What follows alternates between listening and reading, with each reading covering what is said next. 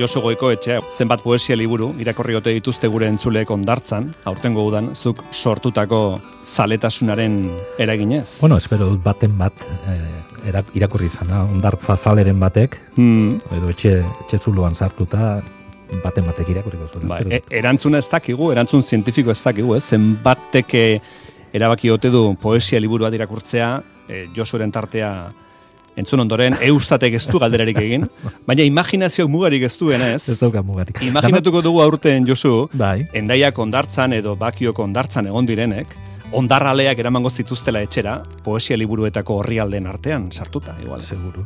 E, ia, nik ez dakit guk lortuko genduen batematek e, ba, poema liburu bat ez, apal batetik hartuta mm. irakurtzea. Baina egia da, Euskal Herrian sorte handia dugula, Ze beste herrialde batutan baino askoz poesia gehiago jakurtzen da. Eh? Beti kultura hori izan dugu eta kanpotako poetek eta harridura zen e, entzuten dituzte hemengo zifra, uh -huh. zenbat irakurtzen den eta bai. zenbat ale saltzen dituzten poetek. Beraz, posteko moduko egoeran gaudela uste dut. Mm. Eta alako saioek nik uste dut ematen diotela poesiari, alako beste beste toki bat, beste arnasa bat, eta, bueno, eskertzekoa da, bueno. eta aurten jozu, e, aldaketa txiki bat egingo dugu. Bai. Ia, aurten ez dugu gai bat hartu eta ari buruzko poemak edo arekin lotutako poemak irakurriko. Ez, gaur egun e, liburuek badute arazo bat, ez da? Liburuek bizitza labur samarra izaten dute. Mm, bai. Eh, liburu dendatara iristen dira, hilabeteko esprinta egiten dute, sorte apur bat badute, edo sorte askotxo, ba, apalean irauten dute. Baina beste asko itzaliz itzaliz joaten dira, eta ba, azkenik txoko batean aztuta gelditzen dira, edo almazen ilun batean. No, orban ez da erraza, ba, bost urte baino gehiago liburuak aurkitzea liburu datan, hmm.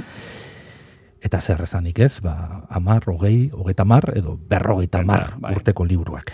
Mm Orduan, egingo duguna da erreskate lan bat. Hmm? Iraganeko poesia liburuak erreskatatuko ditugu. Induzketa poetikoa egingo dugu. Induzketa poetika egingo dugu. Batzuk zarragoak izango dira, beste batzuk berriagoak, hogei garra, bat garren mendekoak, beste batzuk hogei garren mendekoak. Bueno, hori, astero horietako bat hartu eta bi poema irakurriko dizkio. Mm -hmm. Ta lehenengo liburua, jo, zer da nau, liburu gisa ere, ez zuten atera. Ara? Bai. Arantxa urreta bizkaiaren San Pedro Bezperaren ondokoak poema liburutxoa da. Mm Mila bederatzereun da irurogeta amabikoa. Mm, zer esango dut liburu buruz? Hau, atera zen, lur taldeak, atera zuen e, Euskal Literatura irurogeta amabi izeneko lan kolektibo batean. Mhm.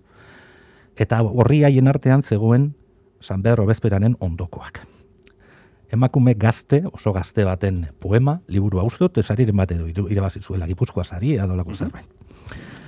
Berak, arantxa, urreta bizkaiak ez zuen atera nahi. Ez zuen kalerat, kaleratu nahi liburu mm. Baina bere lagunek e, zaizar bitoriak eta barrek e, konbentzitu egin zuten eta zikira ba, bilduma horretan ateratzea e, lortu zuten. Horre, eskutatuta, edo? Eskutatuta. Mhm. Eta hor, nik ustot, hor, hor geratu zala, ez da? Konsultarako material gisa mm aipatzen du koldo izagirrek. Bai. Ze gero koldo izagirrek, bere hogei garren mendeko poesia kaieretan erreskatatu egin zuen lan hau, mm eta bizkaiara gaztearen lan hau, eta kaiera horrietan sartu zuen osorik. Mm Bueno, berro eta marrurte dituzte poema hauek, eta irakurtzen dituzu eta berri, berri, berri daude. Bai, eh? Berrogeita mar urte pasata ere. Berrogeita mar, bai, izkuntzaldetik eta berba da badituzte gauza batzuk, mm -hmm. e, zarkituta geratu direnak, baina tematikoki, erritmoz, e, berri berri daude. Edo zeinek irakurri eskuartean hartu, eta bere egiten ditu bere ala mm -hmm. arantxa horreta bizkaia gazte honen e, e poemak.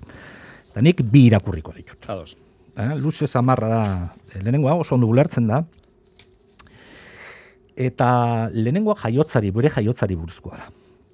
Poema honek kontatzen digu, zer den, zer izan den mundu honetan emakume jaiotzea. Mm Gizona nagusi den mundu honetan emakume jaiotzea, ez da beti erraza izaten, ez da beti erraza izan, eta batez ere aitaren begietara zer ematen du neska jaio berriak, zer ematen dio aitari. Batutan disgusto ondia. Bueno, hau da, arantxa urreta bizkaiak, hogeita urteko poeta gazteak, bikainak, idatzi zuen poema, bere jaiotzari buruz.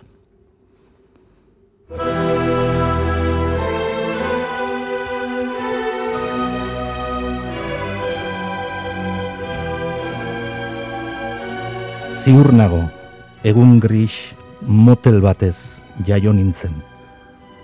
Eguzkiri gabeko egun epel batez, bi gau beltzek inguratutako une gelatinatxu batez.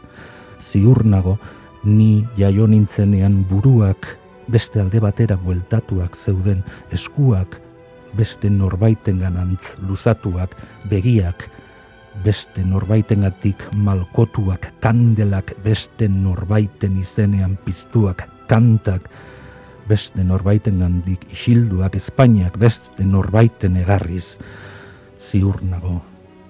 Harentzat decepzio bat izan nintzen. Enintzen mendekuaren esku arbortitza iraganaren garbitzaile zuhurra presentearen arrazoi esperantzagarria etorkizunaren amets lausengatua.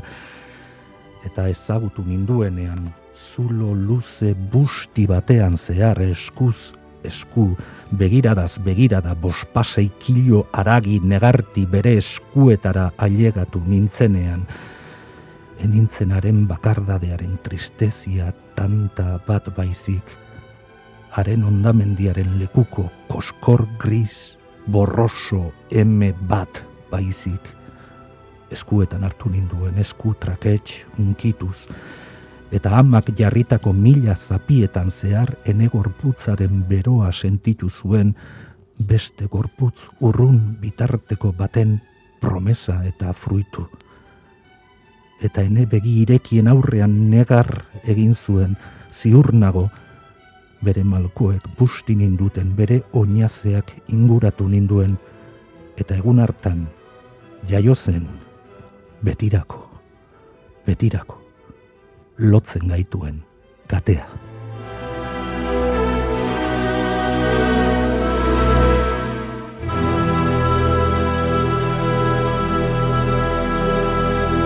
Emakume jaiotzea zari zeigo arantxa horreta bizkaia, e, Josu, mila bederatzen da, iruro gaita urteko ikuspegitik, eta zaurazki gaurkotasunik ez du galdu, eh? Gaurkotasunik ez du galdu, etxe askotan, zorion ez beste etxe askotan ez, tala, baina etxe askotan oraindik eta ez ben bakarrik, bero, mundu osoan, ba, ez du galdu inolako gaurkotasunik tamalez. Mm. Em, bueno, emakume poema, jaiotzea. Emakume jaiotzea. Bai. Em, poema konfesionalak dira hauek. Mm. berak aitortzen du elkarrizketa batean, e, bueno, ba, maten ziola erreparo pixka bat poema hauek eh, argitaratzea, baina nik uste dut ausardia horri esker ditugula poema hauek hemen gurean mm eta irakurtzeko aukera.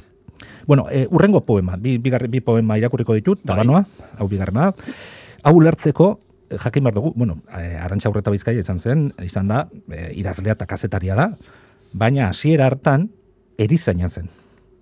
Beraz, hemen bata zuri batzuk eh, azalduko dira, eta mm erizaine lanetan ikasi egin zuen, eta lan ere egin zuen erizain gisa, eta ulertzeko pixka bat... E, Kontestua edo, ez? Bai, poema honetan, bueno, iraila da, irailerako aproposa? Ah. E, egunerokotasunaren atzaparretan erori aurretik, bizi izan ditugun, inoiz bizi izan ditugun, egun zorion txuez, ari da arantxa, urreta bizkaia.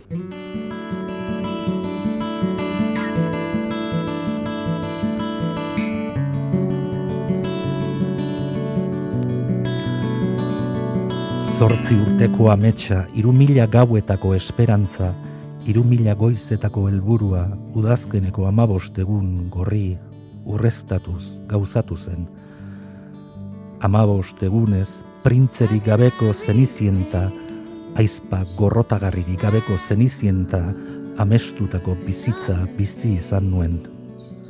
Bizaldik edo bostek eramandako karrozan, inoiz erdietx ez nuen limbo epelean bizi nintzen, neguaren hasieran udak ezinilik berotzen gaituenean, Mediterraneoaren babesean neofito baten konsagrazioan, ni neu ere disfrazatu egin nintzen, estudiante izatera jokatu nuen.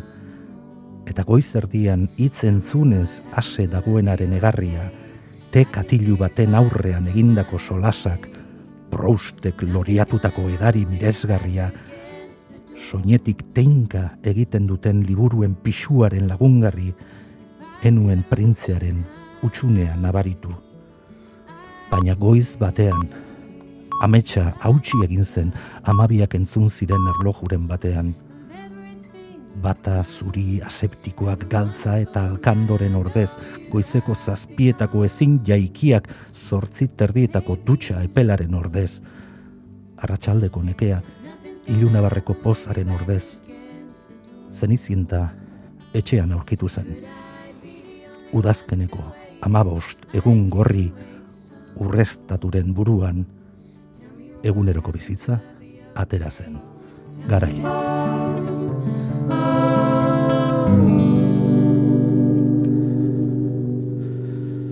Esan digu Josu, erresketatuko ditugula liburu batzuk oso zaharrak, beste batzuk berriagoak, ze askotan gaur egun daramaguna bia da, liburu batek oso bizitza laburra izaten du, dendetan eta horrela, ez da? Laburra, behar bada batzuaren bihotzetan bai, baina bintzat eh, dendetan bai. desagertu egiten dira, eta han, ba, liburutegi publikoa esker hmm. hor eh, erreskatatu edo atera alditugu txokotik. Bueno, hasi dugu tartea galdetuz, ea norbetek irakurri ote duen poesia libururen bat, orten gudan, eta hemen entzule batek esan digu, berak baietz, josurekin zaletu dela, eta joxan hartzaren liburu bat irakurri duela. Ah, ze ona, Bizitzaren atea dukegu eriotza, eh, bai. elkarrek argitaratua. Eh, hori irakurri duela, eta eh, ederra eta sakona iruditu zaiola. Ze ona. Bueno, bentsat entzule batek, liburu bat irakurtzen lortu dugu. Ez da gutxi. Josu, datorren astean, astalen lehorrari, jarriko dugu poesia tanta piti bat. Zoriuntasun pirula bat jarriko dugu, bale? Ekarriko dugu beste liburu bat. Besarkada bai, Josu. Bai.